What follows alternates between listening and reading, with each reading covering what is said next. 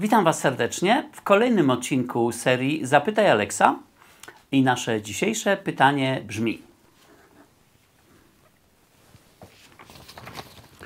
Będziesz uprzejmy opowiedzieć, jak wygląda takie przygotowywanie kandydata do objęcia funkcji w zarządzie Radę, Radzie Nadzorczej Spółki?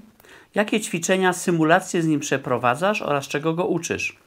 Chodzi raczej o odpowiednią postawę ciała, sposób wypowiadania się i tym podobne? Czy są to jakieś techniki, narzędzia, które wykraczają poza ogólną prezencję kandydata?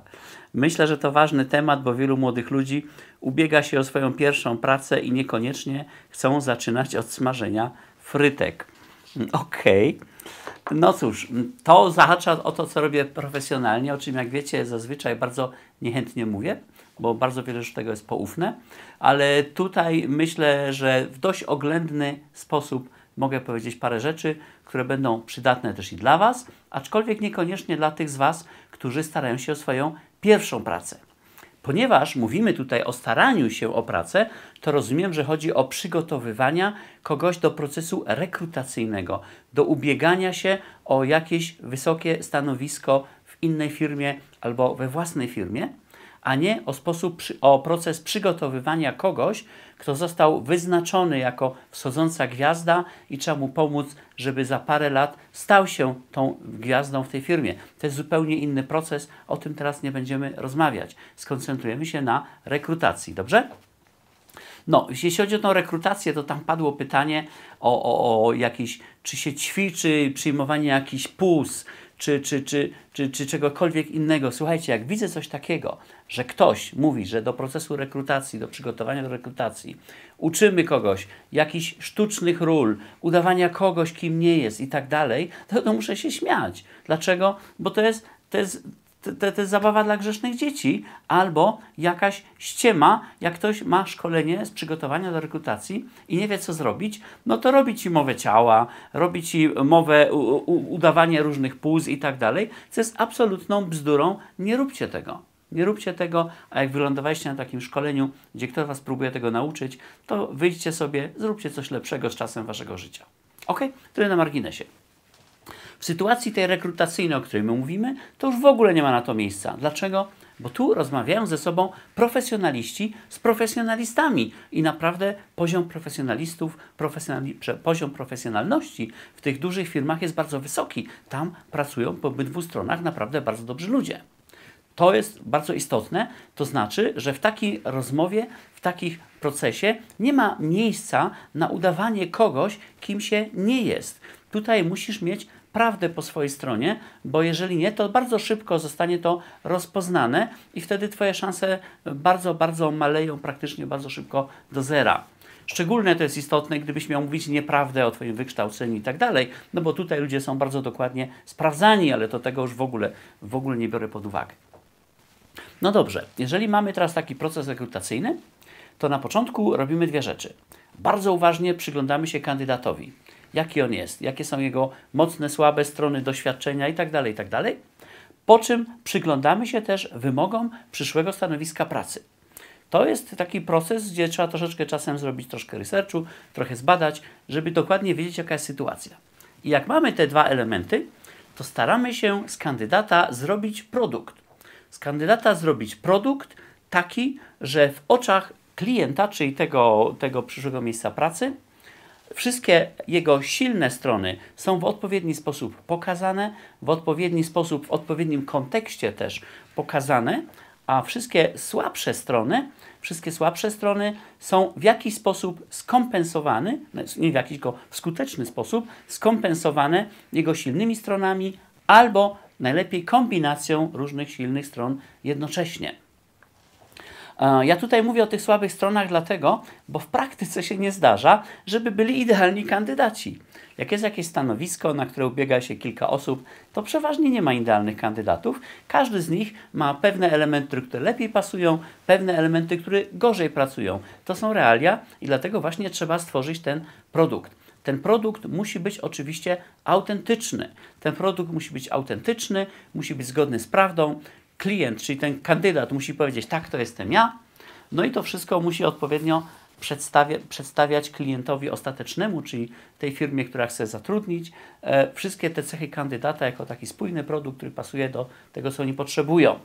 Tutaj mamy oczywiście typowe trudności. Typowe trudności są cztery, poza tym występują jeszcze jakieś inne, o których nie będę teraz mówić, bo to przeważnie już takie dosyć konkretne są, nie bardzo mogę takich jeszcze mówić, ale typowe trudności są cztery.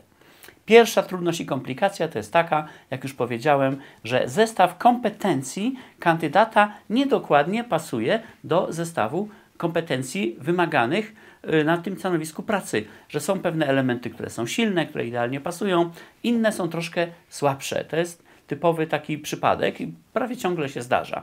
Świadomie mówię tutaj o tym, że pewne elementy są słabsze, bo przy braku kompetencji na tym poziomie wylecisz z procesu rekrutacji, to nie ma szans. Drugi typowy problem, jaki występuje, to jest to, kiedy kandydat startuje na wyższe stanowisko niż dotychczas zajmował, albo startuje na porównywalne stanowisko, na przykład prezesa, ale znacznie większej firmie. Tutaj tak samo pojawia się pewien problem, z którym sobie jakoś trzeba kreatywnie poradzić. Przeważnie da się. E, trzeci rodzaj problemu to jest taki, jeżeli ktoś zmienia branżę. Prawda? Ktoś pracował kilka, kilkanaście lat w branży A, a potem z różnych powodów stara się o wysokie stanowisko w branży B. To jest prawie zawsze problem. Dosyć trudno zmienia się branżę, zwłaszcza jak ktoś przepracował w jednej bardzo długo, a ta nowa branża bardzo różni się od tej starej. Ale takie sytuacje się zdarzają i tutaj trzeba również kandydatowi pomóc. No i czwartym przypadkiem komplikacji, o którym chcę Wam dzisiaj powiedzieć, to jest wtedy, jeżeli kandydat przez, przez pewien okres czasu pracował w firmie albo w firmach, które miały zupełnie inny sposób robienia biznesu, zupełnie inną kulturę pracy, zupełnie inne podejście do klienta niż firma, do której się ubiega. Każdy, każdy rekruter na wyższych stanowiskach będzie na to patrzył, prawda? Będzie patrzył, jakie doświadczenie, jakie nawyki zarządzania przynosi ten człowiek ze swoich poprzednich firm. Jak one nie całkiem do siebie pasują, to mamy kłopot. No i z tymi kłopotami trzeba sobie oczywiście poradzić. Jak już powiedziałem, tworzymy po prostu produkt z kandydata, uwzględniając te wszystkie rzeczy, tak, żeby mocne strony świeciły mocno, a te słabe były realistycznie skompensowane jakimiś mocnymi. I jeszcze raz podkreślam, tu nie ma miejsca na ściemę, tu nie ma miejsca na udawanie, to musi być wszystko autentyczne, to wcale nie jest takie proste. No dobrze, ale jak już to mamy, mamy to i kandydat za, zaakceptował ten swój obraz, mówi tak, to jestem ja, no to przechodzimy do następnego etapu. I w następnym etapie Zastanawiamy się, jakie trudne pytania mogą paść pod adresem kandydata w procesie rekrutacyjnym. Do łatwych pytań nie trzeba kandydata przygotowywać, bo to są bardzo dobrzy ludzie przeważnie, ale mogą być trudne. Trudne pytania wynikające właśnie z tych komplikacji, o których powiedziałem wcześniej.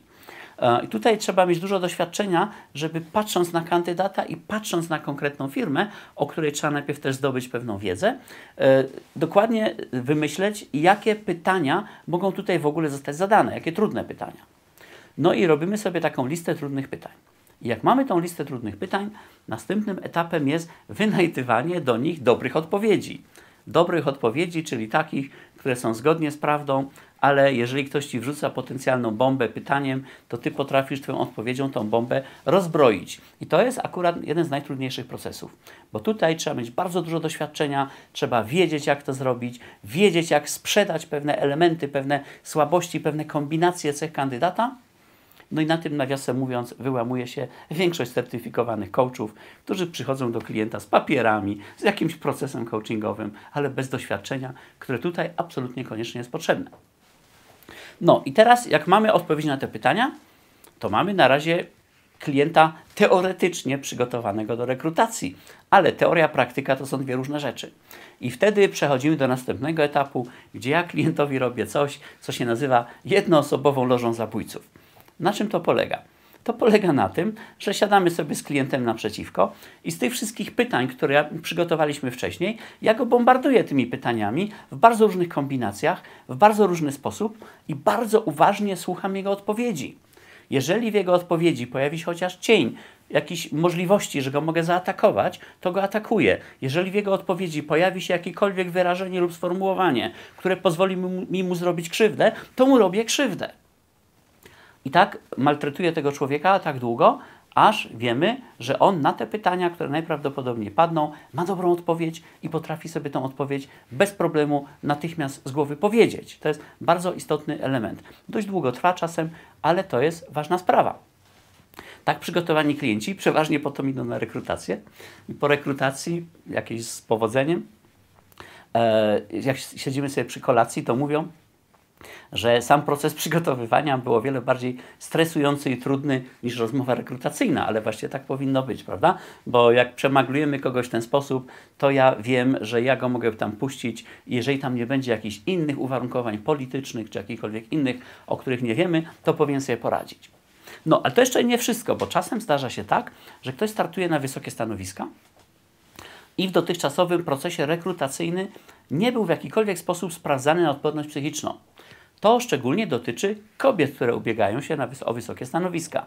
No to wtedy robimy jeszcze brutalną wersję loży zabójców, gdzie ja zadaję dokładnie te same pytania, ale w bardzo chamski, w bardzo nieprzyjemny sposób, stosując wszystkie możliwe chwyty poniżej pasa, różne triki retoryczne i kandydat musi być w stanie dobrze odpowiadać na te pytania, nie po, wie, mimo tego obciążenia emocjonalnego. To jest dość intensywne, nie zawsze się to robi, ale czasem trzeba i to jest potrzebne. No, jak mamy tak przygotowanego kandydata, to w gruncie rzeczy całkiem spokojnie y, możemy powiedzieć dobrze iść teraz na tą rekrutację. Jeżeli tam nie ma jakichś, właśnie już powiedziałem, politycznych rzeczy, o których nie wiemy, to powinny sobie poradzić. Cały ten proces, oczywiście to trzeba podkreślić, dotyczy porządnych firm, które pracują na rynku w warunkach normalnej gospodarki rynkowej. Tutaj teraz nie wypowiadam się o sektorze pseudopaństwowych firm, gdzie pracują y, kuzyni i, i różne pociotki i tak dalej, i tak bo ja się tym taką grupą nie zajmuję, takimi firmami też się nie zajmuję. Mówię teraz o porządnych, solidnych firmach, które stoją w gospodarce rynkowej. No i myślę, że to to w dużym skrócie, prawda? W dużym skrócie może się to niektórym z Was przyda. E, warto sobie samemu czasem porobić takie, takie ćwiczenia przed rekrutacją, nawet jak jest to rekrutacja znacznie mniejszego kalibru. Jeżeli macie pytania, to bardzo proszę, napiszcie do mnie, ja chętnie odpowiem, jeżeli to będzie możliwe. A z mojej strony, jeżeli Wam się to podobało, to bardzo proszę, lajkujcie to na YouTubie, lajkujcie to na Facebooku, dzielcie się tym, szerujcie, szerujcie to, udostępniajcie to. Jak już wiecie, nie chodzi tutaj o moje ego albo o pieniądze, bo ja to się robię za darmo, ale o to, żeby jak najwięcej ludzi miało okazję być z tą wiedzą skonfrontowani i może im się przyda. Tyle z mojej strony. Dziękuję Wam bardzo, życzę powodzenia i do następnego razu.